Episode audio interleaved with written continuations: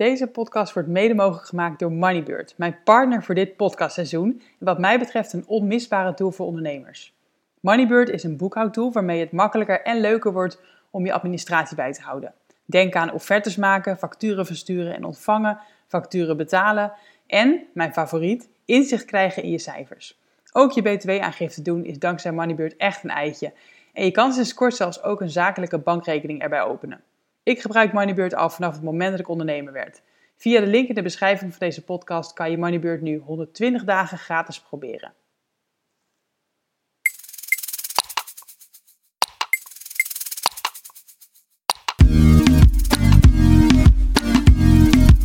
Super tof dat je luistert. Welkom bij een nieuwe aflevering van de Vrije Meid podcast. Mijn naam is Suzanne van Duin en ik help jou naar een vrij leven.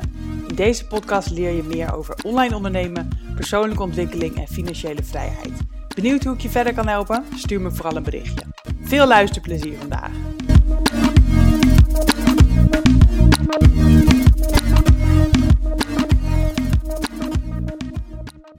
Van de beste versie naar de echte versie van jezelf staat er op zijn Instagram, waar hij 24.000 volgers heeft.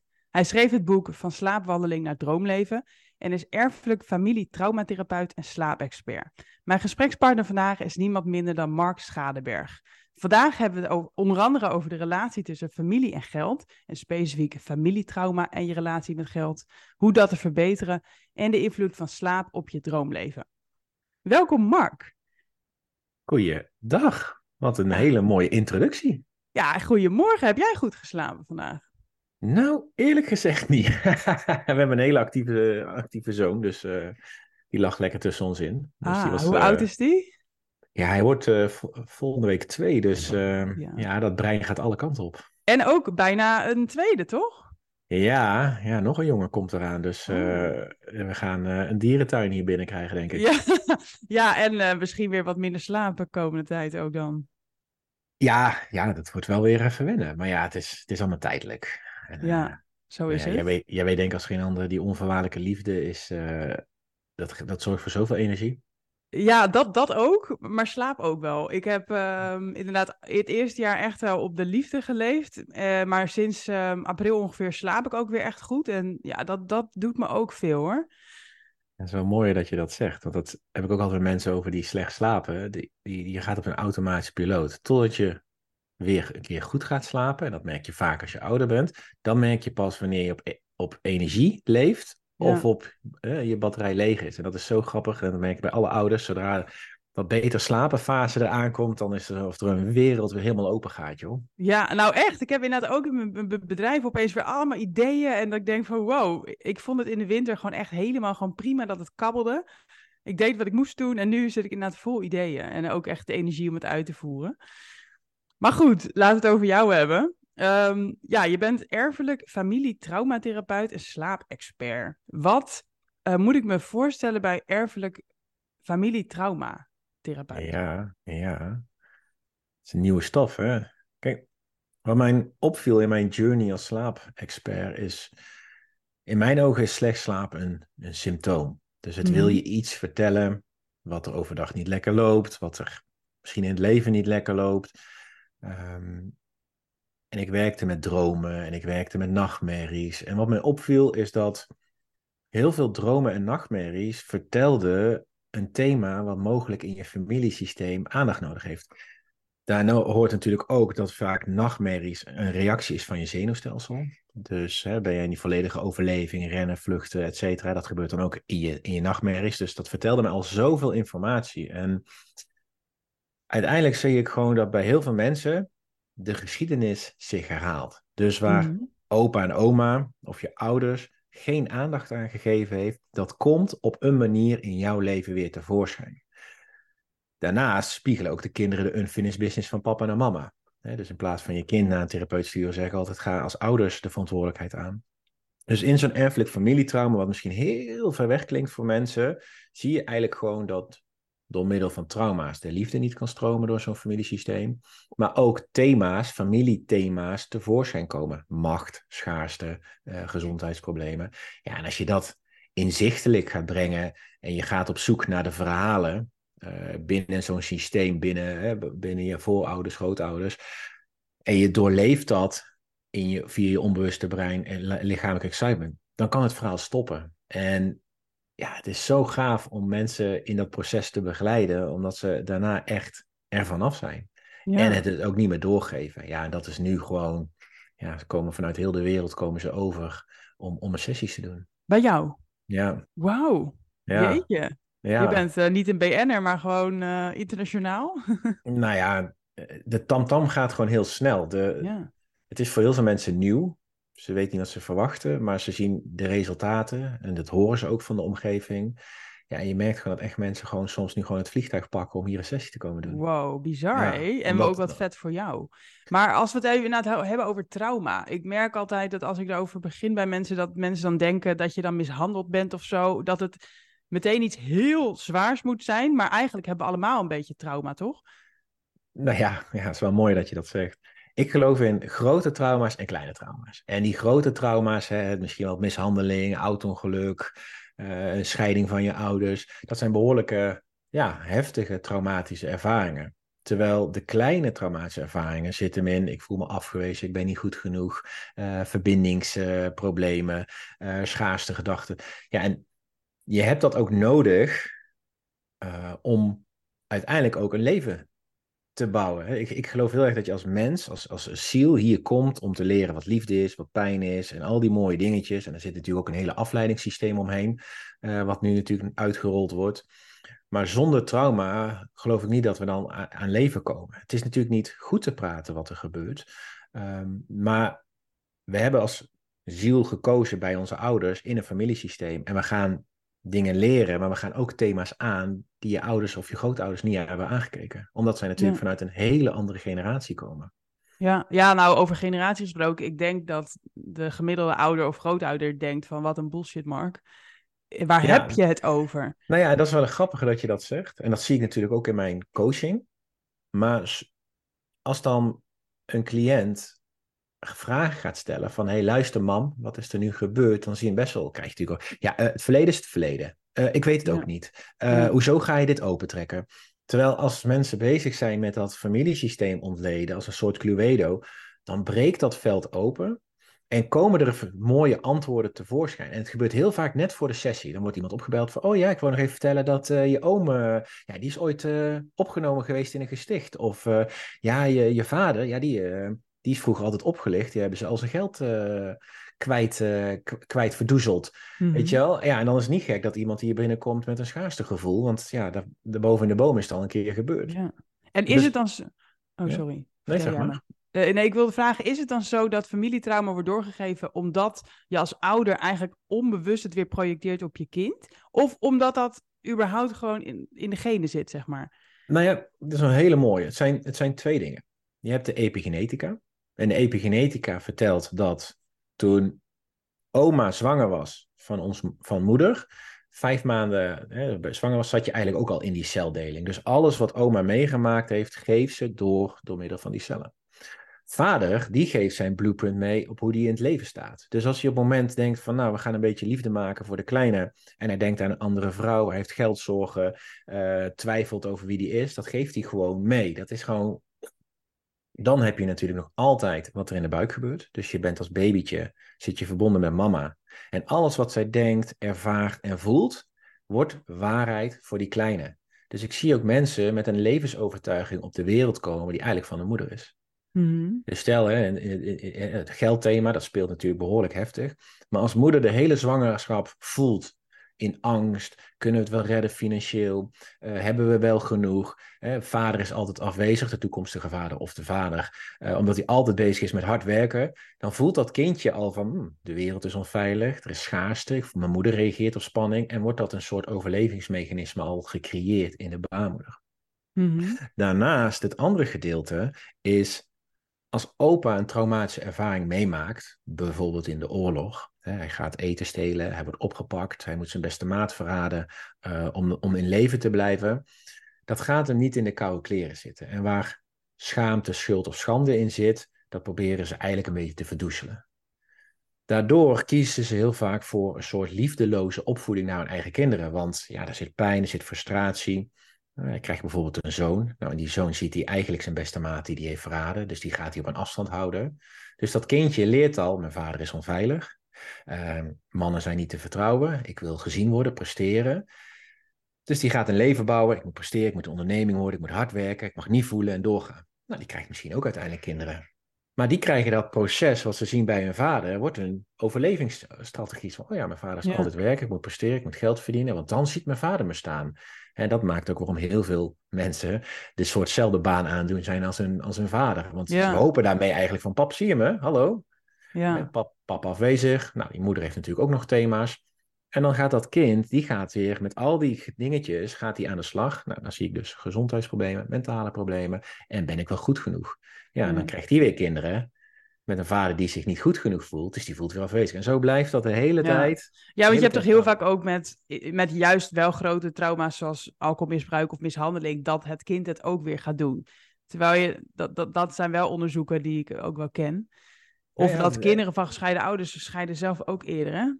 Nou ja, dat is natuurlijk een. Sowieso, hè, wat je in je zes jaar meekrijgt, wordt je, je overlevingsmechanisme, maar ook je, je, je waarheid. Dus zie jij ouders altijd afstandelijk zijn met hun telefoon spelen, altijd werken, want geld is belangrijker. Je wordt elke dag naar een kinderdagverblijf verwacht. Ja, dat, dat doet iets met zo'n kind. Want een kind wil liefde en veiligheid en, en, waarborging. Maar ook zit hem dat in de, in de herhalingsdwang. En de herhalingsdwang, zeg ik altijd, dat heeft drie verschillende facetten. Dat is dus het verhaal van opa en oma komt weer tevoorschijn. Dus hou het eventjes op de alcohol. Um, hè. Ten tweede, papa is alcoholist. Dus ik weet hoe ik daarmee om moet gaan. Dus ga ik dat ook zoeken in mijn partner, want ik weet precies hoe ik daarmee om moet gaan. Ook al wil ik het eigenlijk niet, maar ik ga het wel doen. Maar je bent wel perfect voor diegene inderdaad, want je weet hoe je ermee om moet gaan. Maar ook trek je die thema's aan om er iets mee, aan te, mee te gaan doen. Ja. ik, zie, ik zie ook dat vanuit liefde gaan we op zoek naar de thema's die we zelf nog aan moeten gaan. Dus in het begin is de roze wolk. En op een gegeven moment kom je erachter dat je allebei misschien een beetje onzeker en heel veel bagage hebt. En dat maakt ook waarom heel veel mensen kiezen voor het scheiden. Omdat ze zien van wacht even, we zijn allebei eigenlijk gewoon tijd rijp om aan onszelf te werken. In plaats van dat mensen zeggen kom we gaan het doen en we worden weer opnieuw verliefd. Kiezen we heel vaak nu voor de vluchtige uitweg. Omdat we mhm. dat ook zien bij onze generaties daarboven. Ja. Hoeveel Hoeveel ouders laten nu nog aan hun kinderen zien wat liefde is? De helft zit op zijn telefoon, zit op de bank de videoland te kijken, te klagen over B&B en de liefde, hoe kut het allemaal is. Ja, en dat kind hoort alles. Dus die denkt, ja, weet je wat, liefde is dus raar. We moeten zo ergens zo heel ver op bank zitten, werken, we moeten altijd werken. Mhm. Ja, en dan, ja, en dan moeten ze het uiteindelijk uh, gaan ontdekken. Ja. En hoe, laten we het ook even uh, kijken naar hoe het, hoe het dan wel kan, zeg maar. Hoe kan je dit verbeteren of doorbreken dan? Of wat, wat is wel een goede manier om te leven en op te voeden? nou ja, ik denk dat het heel belangrijk is, vind ik, uh, is dat je verantwoordelijkheid neemt voor de keuzes die je maakt, maar ook het pad durft aan te gaan om eens te gaan kijken wat is er nu binnen de familie allemaal gebeurd. Zonder oordeel. Hè, onze grootouders, we zijn van dezelfde generatie, dus we zijn gewoon in een tijd opgegroeid waar oorlog geweest is, waar hongersnood geweest is, waar schaarste geweest is, waar crisissen geweest zijn. Dus als er iets in onze celdeling zit, is schaarste, overleving, geld is slecht. Dus door dat verhaal te gaan ontdekken, zie je ook wat er boven gebeurd is. Mhm.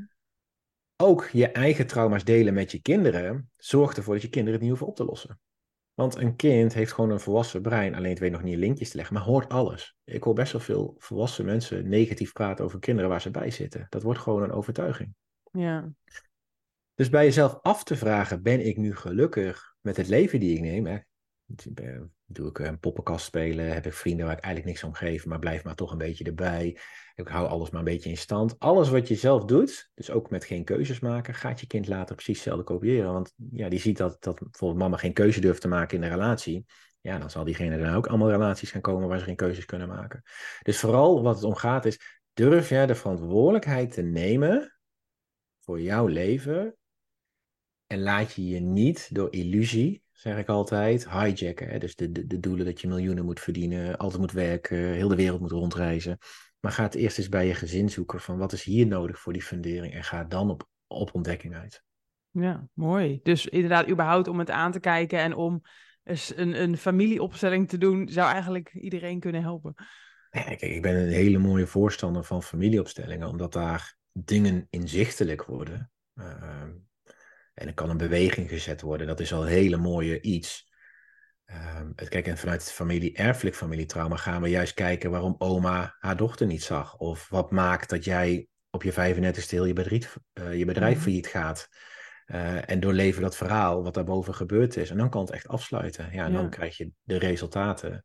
Uh, en werk dat door in de generaties voor je en na je. Ja, en dat is denk ja. ik wel het mooiste cadeau die je nu je kinderen kan geven. En even voor de luisteraar die, die denkt van... hé, maar mijn opa en oma zijn al dood... dus hoe achterhaal ik dan die verhalen? Jij, jij kan dit, of niet? Ja, ja, het zit allemaal in jezelf. Want het zit in je cellen. Um, en ja, door middel van een sessie hier gaan we in contact komen met, met die verhalen. Want ze zijn heel blij, natuurlijk soms een beetje weerstand, dat zo'n verhaal verteld wordt. Want het gaat erom uiteindelijk, en ik denk dat dat ook de reden is waarom mensen vanuit het buitenland komen, omdat de grootouders, voorouders voelen dat ze hier het verhaal mogen vertellen, dat, dat jij een ander leven mag gaan leven dan het leven die misschien nog uh, aan het naspelen is die van opa was. Ja. Ja, dus ik kan wel een heel mooi, mooi voorbeeld geven. Er kwam hier een man, donders goed, een van de eerste sessies, die, die trof altijd een partner die vreemd ging. En die kon absoluut niet met geld omgaan. Het verdween alsof het, weet je wel, hij kreeg het binnen en twee dagen later op zijn rekening was het gewoon weg. En hij wist het gewoon niet en het zorgde voor heel veel problemen. En toen liet ik hem dat familieonderzoek doen. En daar kwam eigenlijk uit dat opa een bedrijf had gehad in het buitenland. Um, en zijn zus um, eigenlijk altijd vreemd ging. En ja, die had geldschulden zo hoog, dat, nou, er geen brood van. Ouders waren potters. Dus die probeerde zoveel mogelijk te verzamelen. En weet je wel, de spaarrekening, heel die geconditioneerd systeem van, nou weet je wat, als je het achter de hand hebt, dan uh, kom je er wel. Maar ja, hij vroeg nog steeds af van, hoe kan het dat A, ik de verkeerde partner tref en dat ik stoei met dat geld? Nou, uit eerst leg ik ook uit dat geld, liefde en in je kracht staan eenzelfde vorm van energie is. Dus dat speelt natuurlijk al heel erg mee in relaties en in geld. Maar uiteindelijk gingen wij het verhaal doorleven van opa. En wat bleek nou? Opa had in het buitenland meerdere uh, bedrijven. En hij betaalde zijn personeel minimaal. Echt gewoon een hongersloon. Heel oneerbiedig. Maar dat was in die tijd was dat eigenlijk gewoon wel een beetje hoe met de mensen omgingen. En daarnaast had hij ook een heel erg leven met andere vrouwen. Want hij moest natuurlijk veel reizen voor zijn bedrijven. En oma wist dit. Oma wist dat dit gebeurde. Maar die dacht, weet je wat? Ik blijf hierbij. Ik verbind me niet met deze man. Ik maak me star. Geld werd daardoor ook vies, hè, want hij verdiende heel veel geld. Maar ja, zij wist ook natuurlijk dat er aan de andere kant mensen uh, onderbetaald werden. Maar ze had zoiets, weet je. Dus haar, haar zoon, de vader van deze cliënt, die heeft dat natuurlijk allemaal meegekregen. Die zag dat mama niet meer aanwezig was. Die was, zag dat papa niet meer aanwezig was. Dus die ging ook gedragingen inzetten. En door dat verhaal te doorleven, uiteindelijk is er ook nog veel meer gebeurd door middel van geld. Uh, kwam eigenlijk alles weer op zijn plek. Oftewel de liefde kon gaan stromen, want opa had natuurlijk schuld, uh, want daar zat een behoorlijk groot uh, thema achter, want uiteindelijk met geld is er ook uh, wat gebeurt met levens. Ja, en daardoor viel bij hem het kwartje dat het stukje vreemdgaan een thema was in de familielijn, maar ook een stukje geld. En dat maakte dus dat hij eigenlijk een soort van loyaliteit aan het waarborgen was na die, na die mensen die opa verkeerd behandeld had, dat hij altijd zijn geld zo aan het uitgeven was. Alleen nu ging het naar anderen toe. Ja, en dan zit dat zo verworven in zo'n systeem. Dan doorleef je het en daarna uh, kon hij weer sparen. Ja. En trok je andere mensen aan. Wauw. Ja.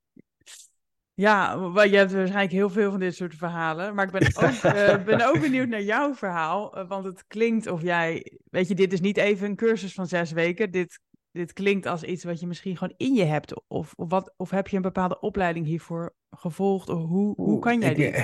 Um, nou, ik heb opleiding gevolgd. Ik heb heel veel teachers gehad mannen, vrouwen. Uh, en ik heb zelf ook een enorm schaarste thema gehad met geld. Uh, in mijn familielijn zat ook een thema verraad. Dus dat kwam ook heel erg voor in het financiële uh, gebeuren, maar ook in afspraken maken en beloftes. Um, dus ja, ik heb, ik heb nadat ik, nou eigenlijk na mijn eerste missie in Afghanistan, ben ik eigenlijk meteen het alternatieve circuit ingegaan van coaching en niet de, de, de psycholoog. En dat is eigenlijk er wel voor gezorgd dat mijn spiritueel bewustzijn, maar ook mijn intuïtie, uh, zo ontwikkeld is. Uh, omdat ik eigenlijk ook altijd de verantwoordelijkheid genomen heb voor, ja, om te helen, om te veranderen. Uh, wat me soms niet in dank afgenomen is, maar waar ik wel heel mijn leven dankbaar voor ben dat ik al twintig jaar ja, eigenlijk daarmee aan de slag ben gegaan. En door alle slaapsessies en droomsessies, ja, groeit dat. Nou, de juiste teachers erbij. Ja, en dan ontvouwt zich zoiets. Ja, en dan, dan, en dan kan je het inzetten. Ja, want uh, toen jij terugkwam uit Afghanistan, had jij toen ook zoiets van: hé, hey, misschien heb ik een trauma opgelopen? Of wist je al dat je een trauma had daarvoor al? Nou ja, het begon al bij mijn geboorte. Um, te vroeg geboren, corveuze kindje, uh, twee, twee broer, een broertje en een zusje dood in de buik. Waar zouden we Dus alleen, daar was nog helemaal geen ruimte voor. Dus ik ging daarvoor de, de controlesystemen inzetten. En niet hoeven voelen en uiterlijk en al dat soort. Uh... En tijdens mijn eerste missie kwam er ook een raket die me s'nachts wakker geschud heeft. Uh, waar dus een bepaalde beleving van een doodservaring bij kwam. En die raket is niet afgegaan, maar het gaf me wel in je onveilige moment, de nacht, gaf me dat wel even eh, een wake-up call. Ja. Dus uiteindelijk heb ik ook echt hulp nodig gehad om, om ja, hier weer mee om te gaan, weer mezelf veilig te voelen. Uh, wie ben ik? Wie mag ik zijn? En dat is echt een hele lange journey geweest. En ook gewoon echt, ja, ook de juiste mensen op mijn pad gekregen. En ik denk dat dat, uh, dat weet ik nog heel goed, in 2014 ging ik ooit naar een waarzegster. En die vertelde toen dat, mijn, uh, dat ik niet naar Afrika toe mocht. Nou, dat bleek ook, want daarna ging mijn relatie uit. Maar die vertelde me ook dat ik ooit, ja, een soort na een hele grote crisis, een soort podium ga krijgen om mensen te helpen bij dat schaamte, schuld en schande verhaal. En ik dacht, ja, tuurlijk, weet je, ik ga gewoon lekker op uitzending, mij niet bellen. Ja, nu zien we wat er in de wereld aan het gebeuren is. En zie ik nu mensen van alle windstreken komen, omdat dus dat collectief nu denkt, wacht even, we moeten het nu echt even anders gaan doen, want anders blijven we in, deze, in dit crisissysteem uh, hangen. Ja, dat is wel echt fantastisch mooi om dat nu te omarmen. Ja, want is het, uh, ik heb ook het gevoel dat veel meer mensen hier nu mee bezig zijn, maar het kan ook het bubbeltje zijn waar ik en jij in zitten, of heb, heb je wel het gevoel dat het echt wel ja, een groter thema is nu voor veel mensen? Zeker, en dat, en dat komt door de sterrenstand. Dat komt doordat Ehm, zoals ik al zei, ik geloof dat we weer iets te leren hebben. En ik geloof ook dat je al meerdere levens te leven hebt. Dus iedereen is op zijn level. Maar als je kijkt naar de generaties waar opa de silence waren, waar mama en papa in de afstomp afwezigheidsfase zitten, zitten we nu in een generatiebubbel waar de millennials al heel gevoelig worden. Generation Z wordt nog gevoeliger. De nieuwe generatie A heet dat volgens mij. Nou, die lijken wel zo verlicht te zijn, die kindjes die in de ogen zitten. Dat zijn onze kinderen. Ja, ja, maar die zie je echt gewoon al zo wijs zijn, omdat, die, omdat, het, omdat het mag veranderen. En ik geloof ook heel erg dat alles wat er nu in de wereld gebeurt, wordt ook gecreëerd om die trauma's te creëren, zodat we weer in onze pijnstukken komen. als je goed kijkt ook naar de oorlogen, naar de hongersnood en al die schaarste, je triggert op de thema's die je nog onder ogen mag. Dus ook hoe getraumatiseerder je bent. Ik zie het soort, soort gatenkaas, hoe meer gaten je hebt, hoe gevoelig je bent voor al die, die, die rotzooi die er nu aan het gecreëerd wordt. Dat betekent dus ook dat heel veel mensen nu aan het wakker worden zijn. Hè? Dat slaapexpert zeker. Maar dat bewustzijn gaat omhoog, omdat het ook de tijd is dat je weer meer naar de spiritualiteit gaat en minder naar de wetenschap. Want dat hoofdstuk hebben we afgesloten. Dat je denkt, wacht even, is dit wel wie ik wil zijn? Ben ik dit wel? Wil ik dit wel? Ben ik hier wel tevreden? Hè? Want hè, dat source-systeem gaat instorten. Waar we jaren vertrouwden op verzekeringen, begint iedereen nu wantrouwen te krijgen. Waar we jaren vertrouwden in dokters en witte jassen, denken mensen, nou wacht even, maar volgens mij kan ik ook bij een coach mijn problemen oplossen, of misschien wel zelf. Ja, dat is gewoon het collectief die dient te gebeuren in zo'n crisis om ons als mensheid te gaan veranderen.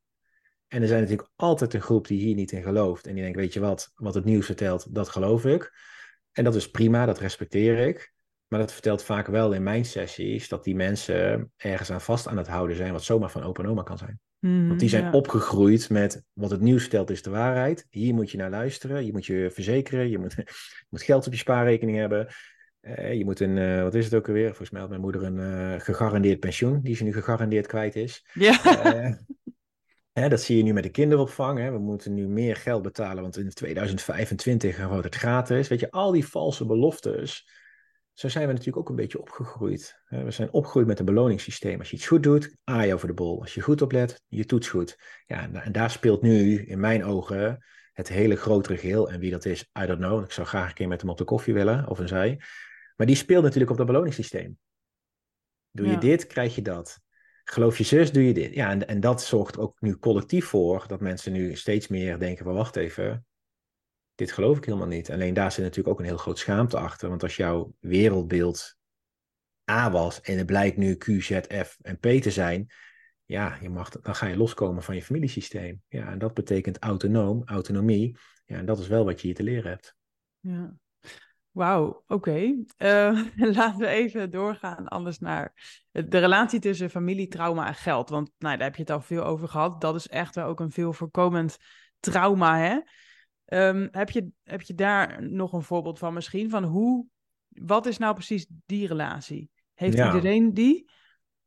Nou ja, er, er zijn meerdere thema's. En goed om te weten is, is dat mama staat voor veiligheid, hoe je met vriendschap omgaat, hoe je met geld omgaat, hoe je met eten omgaat, je gezondheid, uh, met je relaties. Dus mama is echt de basis van het leven. Terwijl 80%, zo ongeveer, zeker wat hier ook in sessie komt, heeft een verbroken verbinding met mama. En dat komt voort omdat er een verhaal is voor mama, waardoor mama zo is. Mm Dus mocht mama, ik zeg eventjes, eh, twee miskramen krijgen en ze gaat in dat rouwproces en er komt dan een kind die wel het leven mag omarmen, mama kan nooit energetisch zoveel houden omdat dat rouw nog wel eens remt. Dus dat betekent vaak dat we op cognitieve wijze die liefde gaan inzetten. Het kind krijgt al een verantwoordelijkheid, want die moet misschien wel die twee vergeten. Dus die band tussen mama en kind zorgt ook vaak hoe de band gaat zijn tussen jou en geld. Dus als er al een liefdetekort is, zal je ook vaak een geldtekort hebben. Ja, oké. Dus, dus als we het even naar het uh, plat slaan, dan is de relatie met je moeder is eigenlijk hetzelfde als je relatie met geld. Zeker. En daarnaast heb je natuurlijk ook nog systemen met loyaliteit. Heel veel mannen, zie ik, en dat zie ik ook in mijn sessies, durven niet vanwege loyaliteit meer geld te verdienen dan hun ouders. Ja, dat, die hoor ik ook vaak. Ja, ik heb die zelf ook een keer gebruikt met een opstelling. Ja, want je wilt als kind niks liever dat het goed gaat met je ouders. Hè? Daarvoor gaan we ook bepaalde gedragingen inzetten. Maar het geldthema, het, het niet durven meer te verdienen dan je ouders, ja, joh, dat zit zo in, in, in, in, in je, in je realiteitsconflict. Ja, omdat je nooit boven je ouders uitstijgt. Een beetje ook de, de fontein misschien. Nou, nou ja, dat is sowieso nooit goed als je boven je ouders uh, uitstijgt. Maar het is iets in dat systeem dat gewoon dat niet durft. Hè, te gaan staan. En dan heeft het natuurlijk ook de opvoeding te maken en in waar we in staan. Hè. Ik bedoel, um, ik zie heel veel vrouwelijke ondernemers vanuit mannelijke energie die business runnen. Dat is leuk, dat zie je allemaal, zie ik allemaal mooie stories en dat soort dingen. Terwijl in mijn ogen, in die mannelijke wereld waar we al leven, doelen, targets, meer verdienen. Uh, als een vrouw haar vrouwelijkheid gaat omarmen, en dat kan natuurlijk geremd zijn door een familietrauma, dus de innerlijke vrouw kan afgesloten zijn omdat er iets met oma gebeurd is, dan gaat die vrouw uiteindelijk veel meer geld verdienen vanuit haar vrouwelijkheid, creativiteit, zachtheid. Maar dan moet ze mag ze er wel voor gaan staan. Terwijl we in een hele mannelijke energie zitten. Dat heeft ook te maken met je leeftijd, hoe oud je bent uiteindelijk. Want je hebt eerste levensfase is wat meer mannelijk. En uiteindelijk ga je in de, in de, in de zachtheid van de vrouw zitten, ook mannen. En dan komen de mooie overtuigingen. Daar heb ik twee voorbeelden. Ehm, ik heb ooit een dame gehad die altijd dacht dat er nooit genoeg was. En dat kwam omdat zij als kind zijnde om een ijsje vroeg en mama zei, ja, maar dat gaat nu niet lukken, want ik heb maar vijf gulden. Mhm. Dus dat kind heeft eigenlijk gehoord op dat moment van dat ijsje, het lukt niet, want we hebben al tekort. Ja. Terwijl een man die ik ooit gehad heb, die vroeger altijd mee moest gaan boodschappen, die hoorde dat ze altijd voor de goedkope dingen moesten gaan, want alles in het leven is duur. Dus die heeft een overtuiging gehad dat alles in het leven is duur. En dan komt een stukje eigenwaarde en daardoor durf je het ook niet te vragen en te verdienen. Dat die horen natuurlijk ook heel vaak. Dus ook wat je al meekrijgt van de woorden die je als ouders zegt. Hè, en een voorbeeld die ik zelf gebruik is dat mijn zoon mag heel veel. Maar ik ga hem nooit vertellen dat het geld er niet is. Ik mhm. vertel eerder van luister, zullen we gaan sparen voor iets groters. Maar ik zal hem nooit vertellen, nee dat krijg je niet, want ik heb het geld niet. Omdat dan zijn overtuiging is, ik mag het niet hebben, want misschien ben ik het wel niet waard. Ja. En creëer je dan juist weer niet uh, het, tegenovergestelde bijvoorbeeld? Dat je juist, want ik heb voor mijn gevoel bijvoorbeeld, ik ben best wel een overvloed opgegroeid juist. Ik heb het mhm. gevoel dat er altijd wel geld was en dat het ook altijd werd uitgegeven. En daardoor ben ik ook best wel een spender. En heb ik weer soms zoiets van, ja, ik vind het heel moeilijk om tegen mezelf te zeggen dat ik iets niet mag, want ik wil het gevoel hebben dat er altijd geld is. Nou ja, is, is, is een hele, ik vind dat ook een hele mooie, want ik geloof daar ook in. Hè? Er is genoeg. Ik bedoel, als je kijkt naar al die voetbalspelers, wat ze verdienen. Er is ook Uh, eigenlijk genoeg, ja. Er is genoeg, als je daar ook maar in mag geloven. Hè? Alleen we worden best wel, best wel, als ik ga refereren naar de sessies die gaan, opgevoed vanuit een schaarste. Maar daarnaast, hè, dat is dus als ouder, let op je woorden wat je zegt, want het heeft zoveel meer impact dan je denkt. Hè? En, tu- Mm. en als jij kiest met uitgeven, hè, ik, ik, ik was vroeger ook een potter. Weet je wel, ik verdiende mijn centjes, ik dacht sparen. Terwijl ik gemerkt heb, als ik het uitgeef, komt het ook weer bij me terug. Ja. Hè? Ik leg ook mensen uit in sessies, het feit dat jij die papiertjes eh, hoor, of digitaal voor me betaalt, om het even, eh, want betekent dat jij een energie aan mij geeft voor de waarde die ik je lever. Maar voel Ja. jezelf ook waard dat je, dat je dit mag doen voor jezelf. Terwijl Ja. er zijn ook heel veel mensen die zeggen, ja Mark, ik vind je te duur. En dan zeg ik, maar van wie komt deze gedachte af dat ik te duur ben? Ja, daar kan je mooi de spiegel voor houden. ja, maar, maar, Nou ja, wat- en het maar- is een wisselwerking, want ze krijgen inderdaad iets terug. Het Ja, is alleen- een ruilmiddel. Zeker, maar dat is als je een t-shirt koopt, krijg je dat ding mee naar huis. Terwijl Ja. in coaching is het natuurlijk, en vaak, misschien hebben ze ook al negatieve ervaring gehad bij andere coaches, Mhm. eh, komt, dat, komt dat rationele brein wat controle wil hebben van ja, maar dan wil ik wel weten dat het opgelost is. Of dan wil ik wel weten dat ik meer geld verdien. Hè? Ja. Ehm, en een ander wat ik nog wil zeggen, die kwam ook binnen, is wat je best wel ziet vanuit een, een, een oude structuur, eh, en misschien kan je dat wel, eh, voel je dat ook wel, is dat best wel veel mannen vroeger opgevoed is met je moet hard werken, geld verdienen en je moet voor je gezin zorgen. En dat zit gewoon in je DNA. Dus ik zie best wel vaak vrouwen bij mij komen en zeggen, ja leuk, mijn man verdient heel veel geld, maar is gewoon niet aanwezig. Omdat hij vanuit dat oerprincipe eigenlijk soort van zijn ouders meegekregen heeft van ja, je moet hard werken en je moet doorgaan. Terwijl die vrouw, die wil eigenlijk gewoon een aanwezige man. Die vindt dat geld Ja. misschien wel leuk, want die kan daar een bepaalde leven onderhouden, maar wil eigenlijk gewoon dat die man thuis aanwezig is. En aan de andere kant zie ik dus best wel veel vrouwen die opgegroeid zijn met dat je ja, niet als vrouw zijnde veel geld mag verdienen, want daar is de man verantwoordelijk voor. Ja. Dus die gaan dan een beetje een, be- een bepaald leven verdoezelen om maar niet in de vriendinnengroep op te vallen met ja, ik verdien veel. Eh, want daar vinden misschien wel eens mensen van. Ja, en dan rem je, blokkeer je natuurlijk ook je financiële toevoer. Ja, ja dit- ik ben het zo eh, met je eens. Ik geloof hier ook zo in. Want ik, heb het, ik zie het bij heel veel van mijn klanten. Ze komen bij mij voor een soort strategie. Maar dat is eigenlijk nooit het echte probleem. Want die strategie Mhm. kan ik in twee minuten uitleggen. Maar als jij inderdaad niet gelooft dat het kan... en dat jij eh, inderdaad denkt dat je het niet waard bent... of welke overtuiging je ook hebt... ja, dan gaat die strategie niet werken. Dan ga je het niet doen. Dan gaat het niet, niet lukken. En er zijn altijd mensen, oh zeg ik altijd, eh, je hebt altijd iemand die voor je een miljoen zou betalen. Je hebt altijd mensen die maar een euro voor je betalen. En je kan niet iedereen dienen, begeleiden.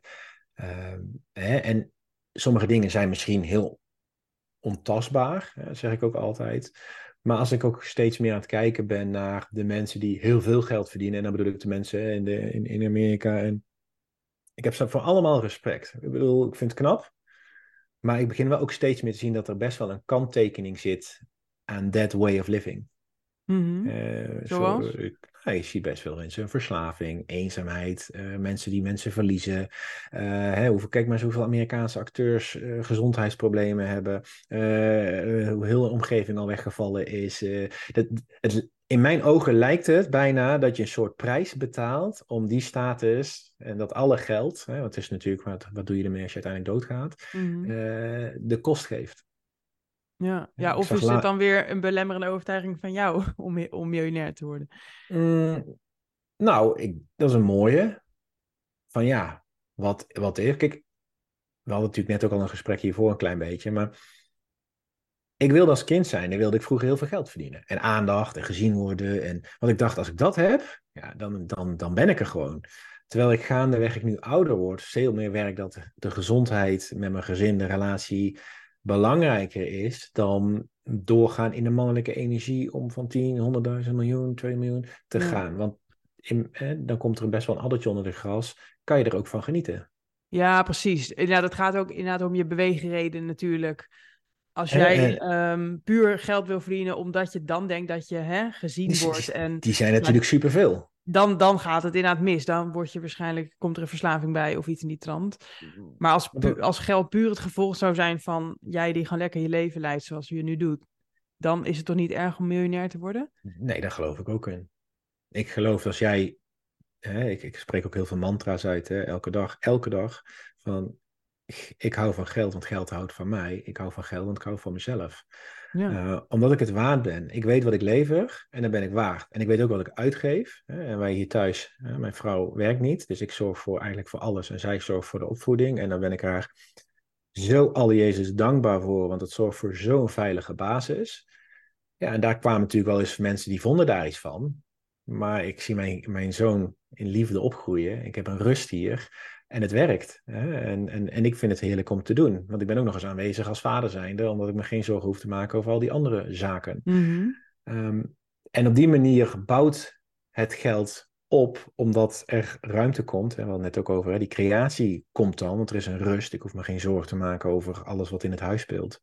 Ja, en dat zorgt ervoor waarom de business gaat groeien. In Ja. plaats van dat ik voor de fast money zou gaan eh, en te denken dat dan alles opgelost is. Ja.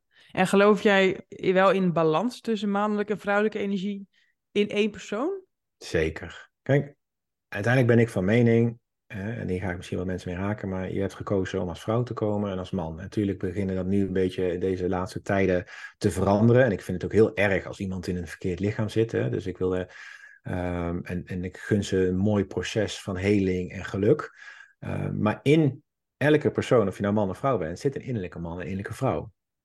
En waar de vrouw voor zachtheid, creatie en veiligheid zorgt, is de man in de actie en naar buiten treden. Als dat in balans is, dan, dan, dan kan je alle kanten op gaan, geloof ik. Maar als er ergens vanuit een familietrauma iets afgesloten is, of je wijst bijvoorbeeld je vader af, waar je dan ook inherent je innerlijke man afwijst, ja, dan kan je de spaak gaan lopen op ondernemerschap, werkschap, relationschap, maar ook op geld. Want dan, Ja. ga- dan, dan stroomt dat niet. Ehm, dus, dus inderdaad, ontdek bij jezelf, hoe is mijn innerlijke mannetje, hoe is mijn innerlijke vrouwtje, en werken ze samen? Of is er iets heel dominant? Want als er iets heel dominant is, wat natuurlijk vanuit allerlei redenen kan zijn, dan mag je eens gaan ontdekken wat ervoor zorgt dat misschien die andere er niet mag zijn. Mhm, ja. Nou ja, in, in onze maatschappij, of in ieder geval hoe wij zijn opgegroeid, denk ik wel dat de mannelijke energie veel meer gevoed wordt eh, op school en op Nog- sport. En, eh, En nog steeds. ja, Hè, want alles draait op doelen, targets, Ja. eh, mentaalheid, naar buiten. Ehm, terwijl in mijn ogen, en dat is ook heel grappig, want met de dames die ik werk, die ondernemers zijn, waar we de innerlijke vrouw weer activeren door het trauma weg te halen, die zie ik daarna allemaal heel veel geld verdienen in hun business. Want die gaan het vanuit Mhm. een hele andere manier doen. Die bouwen een hele mooie fundering, die halen creatie uit de bekken. En die durven hun mannetje te staan als vrouw. Ja, ik ja, ja, dat- ja, dat is Ik mooi. denk, dat, ik denk dat dat het mooiste cadeau die je als vrouw zijnde kan hebben. Voor de mannen, waar misschien vaak een, een angst is van afwijzing of herkenning, en we kunnen die innerlijke man weer aanzetten op een mooie manier, ja, die gaan voor het gezin zorgen, die hebben minder afleiding en die zorgen dan voor een soort veilige basis voor het gezin thuis. Of ook voor een onderneming, want die gaan geen gekke dingen doen. Ja. En dan komt natuurlijk ook dat stuk slaap. Want hoe slechter je slaapt, hoe sneller je verkeerde keuzes maakt met geld. Ehm, maar het is heel mooi om te zien, en zeker de generatie nu na ons, die in de afleidingssystemen worden gezet van reels, waar al mensen goud geld verdienen en weet ik wat allemaal. Ja, als die wat meer naar binnen gaan keren en kijken wat is er bij mij in disbalans. En die gaan vanuit een ware ik iets starten of ergens werken. Ja, joh, dan, dan, dan is er geld in overvloed en liefde en in je kracht staan. Wat zou jij als heel praktische tip voor de luisteraar mee willen geven? Van kijk, kijk eens goed naar je slaap. Of kijk inderdaad eens goed naar die mannelijke en vrouwelijke energie in jezelf. Of, of ga überhaupt gewoon eens familietrauma onderzoeken. Nou ja, alle drie zijn ze heel mooi. Ja. Eh, kijk, ik denk dat het heel belangrijk is om je zeker met je slaapkwaliteit aan de slag te gaan. Want vanuit vroeger, toen de industriële tijdperk binnengebeukt werd, erin geduwd werd, toen moesten we in één keer acht uur slapen. En elk uur die je minder slaapt, kon je meer geld verdienen in die tijd. Dus dat gingen mensen ook doen. Mhm. En die overtuiging hebben we best wel veel nu ook. Hè? Weet je wel, ik ga liever minder slapen, want ik moet nog doorwerken. Terwijl net even wat meer slaap zorgt uiteindelijk voor meer geld. Daar hoort natuurlijk ook het stukje focusverlies bij. Hè? Dus elke keer als je afgeleid wordt, duurt dat 23 minuten voordat je weer in, in, focus bent. Dus als je elke keer een appje krijgt en je bent aan je bedrijf aan het werken, nou dan dus dat slaapkwaliteit, ga daar eens ontdekken. Wat houdt me wakker? Hoe kan ik het aanpassen? En jij zei net al, mijn boeken staan misschien een heel mooi basis uh, voor, om dan eens al een beetje te ontdekken. Dan inderdaad natuurlijk naar dat innerlijke mannetje en vrouwtje. Nou, daar zou ik wel kijken van, wat speelt er nu in mijn leven? Uh, wat voel ik? Ben, ben ik wie ik mag zijn? Waar loop ik tegenaan? En vraag daar ook gewoon om hulp. Maar de andere is, en dan kan je natuurlijk als familiesysteem of coaching, sowieso ben ik een voorstander om altijd in een coach of naar een therapeut te gaan, want het is een groeiproces. Maar ga eens binnen je eigen familiesysteem op avontuur wat de thema's zijn. Zijn mensen hun geld kwijtgeraakt? Hebben ze misschien in de oorlog uh, blood money verdiend? Uh, die zie je ook wel eens, hè? dat mensen allemaal pandjes hebben, maar dat blijkt dan op een niet nette manier, waardoor iemand niet nu met geld durft om te gaan. Of er niet van kan genieten. Maar ga maar het gesprek aan van luister, hoe zijn de overtuigingen geweest? En dienen me deze nog? En je hoeft je ouders niet te veranderen, want als zij ervoor gekozen om niet te veranderen, dan blijft dat ook zo. Maar als jij voelt van luister, in mijn familiesysteem zit de overtuiging dat rijke mensen stinken en het op een criminele manier, uh, ja, ga je afvragen of dat is wat je nog mee wil leven. Ja. En op het moment, nou ja, ik heb zelf in ieder geval ervaren dat toen ik die overtuigingen uitsprak en doorhad waar dat vandaan kwam, of van wie eigenlijk vooral, dat dat al heel veel inzicht gaf. Omdat je je dan meer kan distancieren ervan. Dat je denkt, oh wacht, dit is eigenlijk opa. Of oh wacht, dit is hm. eigenlijk mijn moeder. Ehm, dus dat hielp voor mij al zo om het eigenlijk meer los te kunnen laten en om mijn eigen waarheid te creëren. Ja, heel mooi. Ja, en dan word je autonoom. Hè? En door de trauma's aan te gaan in je familiestamboom, hoe eng het ook is, hoe spannend het ook is, als dat verholpen gaat worden, stroomt de liefde weer. En de liefde staat dus ook voor geld, dus stroomt ook het geld weer. Ja. En nog heel even over slaap, hè? want we hebben het over goede slaap. Maar mhm. wat is nou precies goede slaap? Hoeveel uur moet je slapen? Is het, uh, is het aan één gesloten? Wat is goede slaap en hoe weet ik of ik goed slaap? Nou ja, voor volwassenen willen we het liefst tussen de 7 en de 9 uur. En het is een beetje net zoals een marathon. Hè? Weet je wel, de ene die loopt hem in 2 uur en de andere loopt hem in 6 uur. Dat, per persoon is het verschillend. Maar goed om te weten is dat echt de minimale grens is 6 uur aan ingesloten. Mm En het feit dat mensen mij nog steeds op de dag van vandaag vertellen dat ze met weinig slaap goed functioneren. Heel leuk verhaal dat je tegen jezelf aan het vertellen bent. Maar aan de binnenkant is het gewoon één groot drama. En dat komt omdat je lichaam gaat meebewegen. Die gaat zich gewoon aanpassen. Dat is gewoon een soort veiligheidsoverweging. Maar daar betaal je wel een prijs voor. Focusverlies, uh, hormoonhuishouden jezelf om zeven darmproblemen, nou, et cetera creëer ook een soort routines voor jezelf. En ik hou niet zozeer van de geobsedeerde routines, hè, want het valkuil van met je slaap werken is dat op een gegeven moment alles draait om goed te slapen. Dus dan moeten we allemaal op tijd naar huis en dan moeten we de telefoon weg. En weet je, het leven is toch een beetje meebewegen. Maar we zijn geen computer die je zomaar uit kan drukken. Dus je lichaam heeft ook tijd nodig om in de ontspanningsfase te gaan. En uiteindelijk dus ook in slaap te vallen. Maar heb jij veel stress, heb je veel trauma's, dan is dat zenuwstelsel veel te alert en kan je niet in slaap vallen. Want s'nachts ben je het onveiligst. Dus de, ja, als jouw lichaam continu bezig is. Ehm, en daar komt ook overdag, hè? wandelen, zonlicht, gezond eten, minder koffie drinken, blauw scherm, uh, minder afleiden op social media. Dat speelt gewoon mee voor een goede slaapkwaliteit. Dus er wordt best wel veel van je verwacht om goed te slapen. Maar ja, jij en ik weten allebei dat als je goed slaapt, ja, joh, dan, dan barst je van de energie. Dan komen de creaties, dan komen de mooie vriendschappen. Wow. Oh, ik schrok ergens van. Oh. Zo, ik word in één keer een knal.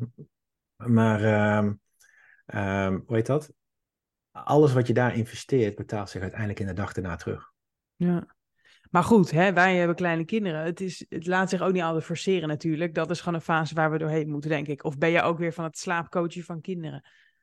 Nou ja, sowieso spiegelen kinderen de unfinished business van papa en mama.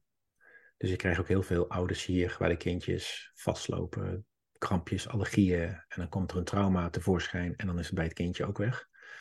Ehm, maar slapen doet slapen.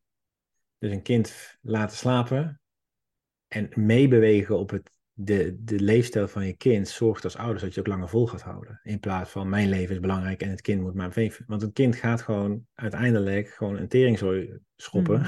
Mm. Om, om je wakker te schudden dat het toch op een andere manier kan. En als moeder zijnde is uiteindelijk in mijn ogen ook borstvoeding um, de, de golden medicine voor een goede nachtrust. Omdat die, die coziness, die, die het in slaap vallen, zorgt gewoon dat als moeder zijn ook dieper gaat slapen. natuurlijk denken misschien nu vrouwen, ja wacht, maar dat wil ik niet, want dan moet aan de kinderen afblijven. En, uh, het lukt niet. Kijk, dat, dat lukt niet. Dat vind ik verschrikkelijk voor elke vrouw. Hè? Want het heeft ook een beetje, het zorgt voor een andere hechting met je kind. Hmm. Maar, oh, maar ik kan je wel uit ervaring vertellen dat ook achter dat lukt niet een verhaal zit van je grootouders, waardoor het niet lukt. Ja, ja Uh, nee, dat, dat geloof ik ook meteen weer. Ja. Ja, dus, dus ja, en als vader zijnde, ehm, ja, neem de verantwoordelijkheid als vader zijnde. Ondersteun waar mogelijk is of vraag hulp, maar doe het wel samen. Maar dit is ook weer mooi dat je dat aankaart. Want ik heb inderdaad, toen ik borstvoeding gaf, ehm, was ik er elke nacht uit. Soms twee keer. Maar ik kon dat. Ik was niet moe. Ik zat daar gewoon te voeden. En dat waren de hormonen die gewoon zorgden dat ik dat aankon. En pas eigenlijk toen ik daarmee stopte, toen brak het me op om s'nachts Ja, wakker te worden. ja, want in, in, die, in, die, in die borstvoeding, hè, dat oxycontin, dat knuffelhormoon, dat zorgt ervoor dat je in harmonie kan slapen. Hetzelfde dat je met je kind in bed kan slapen. Vanuit de oerprincipes is dat gewoon een gold medicine. Kijk, tenzij je alcohol, medicatie, drugs, dat zou ik niet doen, want dan kan je wel eens op je kind gaan liggen, et cetera. Mhm. Maar vanuit de oerprincipe ligt het kind eigenlijk gewoon bij de ouders, waardoor er rust is. Ja. En tegelijkertijd is dit dus alles wat we niet doen in de maatschappij. Nee, Eh, om- borstvoeding is eigenlijk bijna niet te doen als je weer gaat werken. Eh, Nee, het is inderdaad niet ehm, de bedoeling dat je je kind in bed eh, hebt. Het, ja, het is En- en- allemaal precies wat we niet doen in Ja, en, en dat is mooi dat je dat zegt. En ik ben, ik ben al een beetje recht van zijn raap. Maar als we dan gaan kijken naar het collectief trauma, wordt dat allemaal ingezet om je moeder en kind te onthechten. Ja, ja, bizar. Hè? Omdat de vrouw verantwoordelijk is in van je moet onwerken in de maatschappij, het is van je verwacht. Hè? En ik gun vrouwen die keuze te maken. Maar ik geloof vanuit mijn theorie, vanuit mijn belevingswereld, dat een moeder ook moeder mag zijn. En zo als vrouw zijn in haar vrouwelijke energie haar kind mag opvoeden. Ja, In plaats van gehijacked worden in die mannelijke energie om maar te presteren. ja, en iedereen nou, moet ja. dat natuurlijk allemaal zelf weten, in de zin van wat belangrijk is. Eh, maar mogelijk komt er ooit wel eens een moment waar je denkt van, oeh, ga ik nu staan als vrouw voor mijn kinderen? Of laat ik me meenemen in het vluchtige leven van de mannenenergie? En dan krijg je dus die ontbinding tussen moeder en kind. Nou, en dan komt dat hele patroon weer naar boven. Ben ik al goed genoeg? Mag ik er zijn? Zie mijn moeder wil staan? Ja, en dan kan je wel eens later eh, vast gaan lopen. Ja, ja dit, eh, ik, ik ben zelf heel erg blij dat ik ehm, ondernemer ben. En dat ik een beetje de balans eh, heb. Dat ik en eh, het gevoel heb dat ik een moeder kan zijn en daar tijd voor heb. Maar dat ik ook mag gaan werken. Want ik heb ook wel gemerkt in de kraamtijd dat ik ook niet helemaal happy ben met fulltime thuis zijn. Maar ja, voor, dat is voor iedereen anders misschien, hè? Zeker. En, maar dat je wel de ruimte hebt om dat, die keuze zelf te maken. Nou ja, en dat, mooi dat je dat ook deelt, hè? Want ik zie dat natuurlijk ook en ik hoor het ook. Maar ik weet van mijn vrouw, die werkte en die zou minder gaan werken. En in de kraamtijd zei ze, ja Mark, ik wil dit niet. Ik wil niet aan kinderdagverblijf. Ik wil, ik zei, nou weet je wat schat, dan stop je met werken. Ja, En dan gaan we iets minder op vakantie. ja. Nou ja, nu hebben we ook laatst gekeken voor kinderdagverblijf. Betaal je 3200 euro voor, voor twee dagen. Dan denk ik, ja, dan kan je beter stoppen met werken. Want je krijgt misschien wel een beetje terug. Maar ja, zou je dan... En natuurlijk moet iedereen dat zelf weten. Hè? Dat is mijn, mijn visie. Ehm, alleen dat betekende dat ik meer in mijn mannelijke kracht gezet werd door mijn vrouw om die verantwoordelijkheid te dragen. En dat, en dat floreert en dat, en dat groeit. En iedereen moet het natuurlijk heel erg zelf weten. Maar uiteindelijk wil jouw kind het eerste jaar dat mama zoveel mogelijk aanwezig is. Want al ga je in het eerste jaar een weekje op vakantie zonder je kind, dat is al een soort trauma voor je kind. Want je onthecht al. Ja. Oeps. Ja, ja. Nee, Nou ja. ik ben, ik ben eh, twee keer wel vier nachtjes weg geweest. Ja, ja. En, Het deed mij wel goed hoor. Ja, dat snap ik. Dat snap ik. Hè. Ik bedoel, ik bedoel en heel veel mensen zullen zeggen, ja, wat loopt die markt nu te zeuren en te zeiken en waar komt hij nou mee? Maar als je gaat kijken vanuit het traumasysteem van overleven, Mhm. ja, dan is dat eerste jaar zo alle Jezus belangrijk tussen moeder en kind.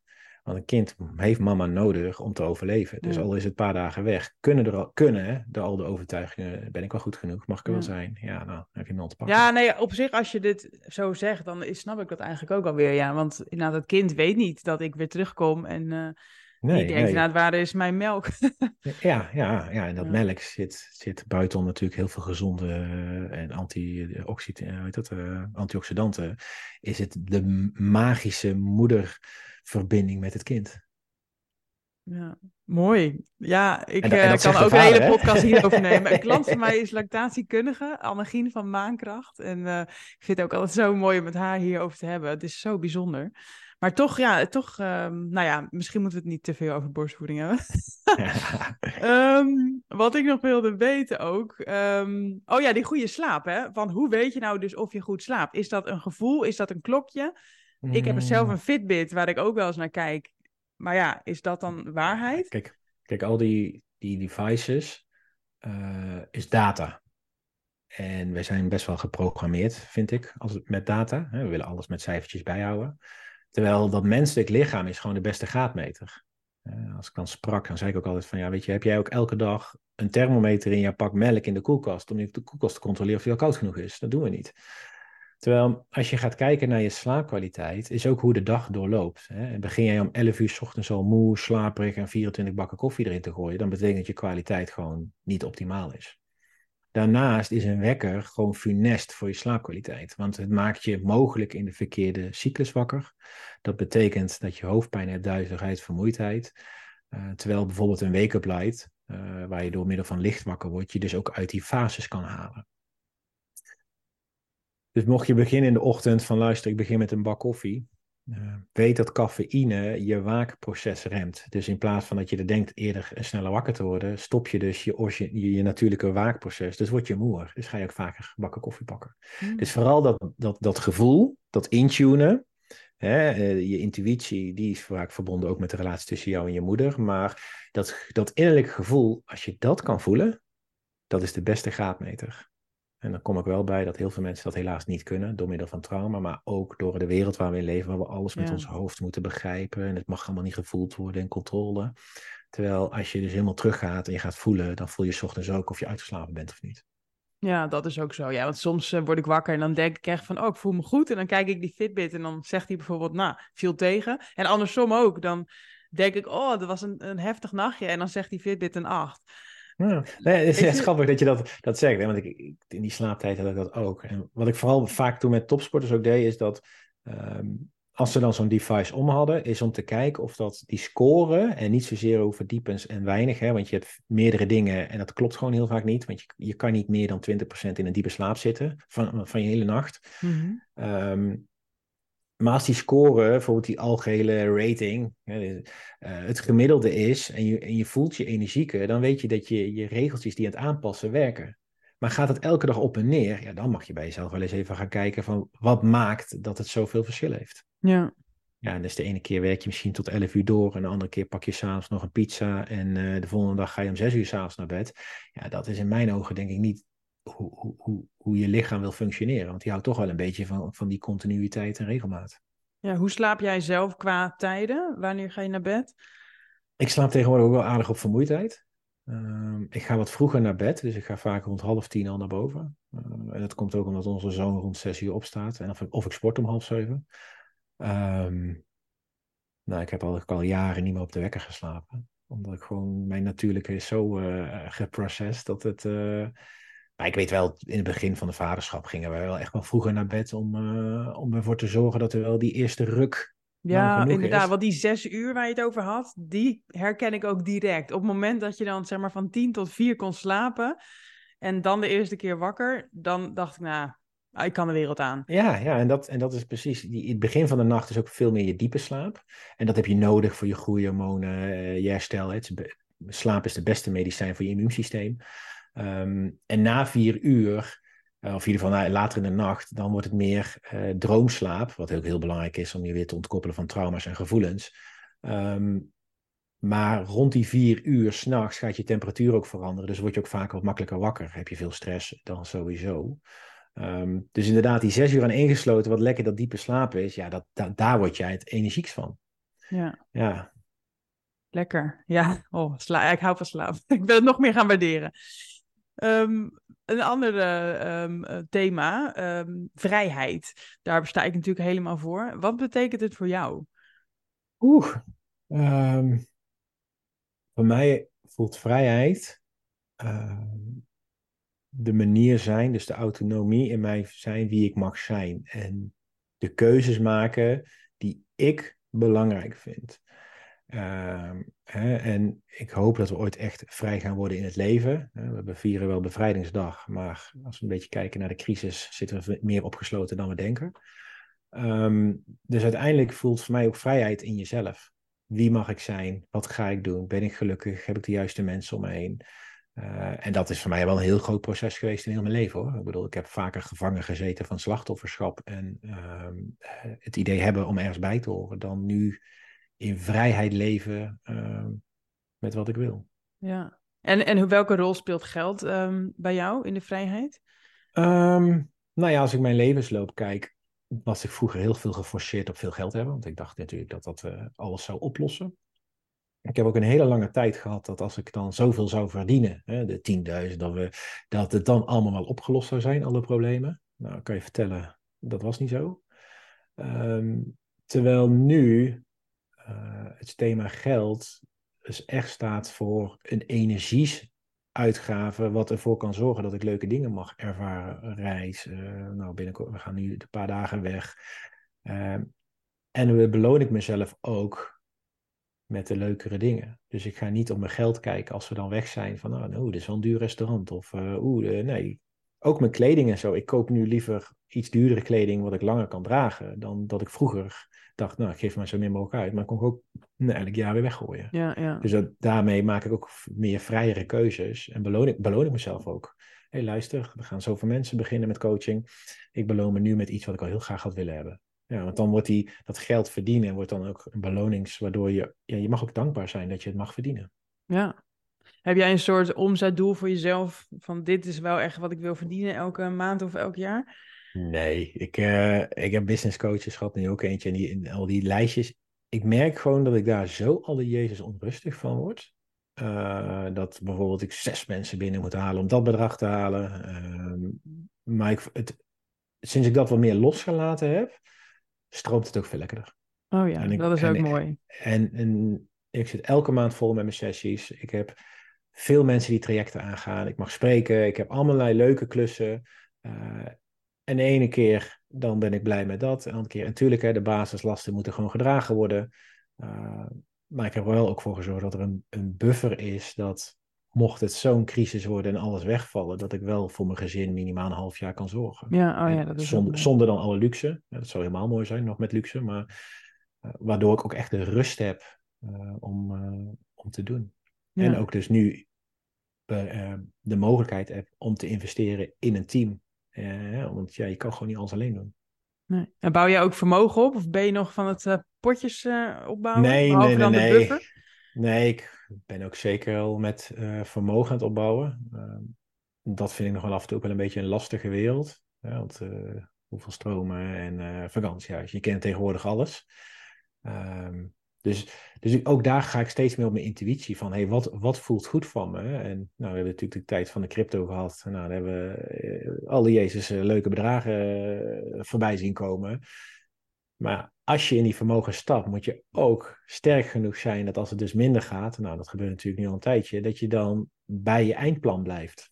En niet ja. denkt vanuit die schaarste, nou haal ik het nu maar af, want het wordt kut. Ja, want dan, ja, dan word je er heel arm van uiteindelijk. In mijn nee, het, het, idee met beleggen is natuurlijk ook lange termijn. Dus uh, als jij ja. crypto als een belegging ziet, moet je dat ook zo behandelen. Ja, ja, en ik ga nu al steeds meer naar. Ben ik, nu, ik ben nu in ieder geval bezig met informatie inwinnen in, in vakantie, uh, vakantiehuizen. Ja. Oh ja, nou daar heb ik ook nog een podcast over online gezet, een paar, paar afleveringen geleden. Eén, uh, eentje met Nancy en eentje met Priscilla. Dus uh, kan je even terugkijken. Ja, leuk. Um, heb jij nog een, favoriete podcast of een bepaald boek, los van je eigen boek natuurlijk, wat jou heel erg heeft uh, geholpen of geïnspireerd in het leven? Uh, nou ja, qua boek over geld. Uh, de rijkste man van Babylon. Oh ja. Dat is echt, dat is echt mijn, uh, mijn change geweest van geld.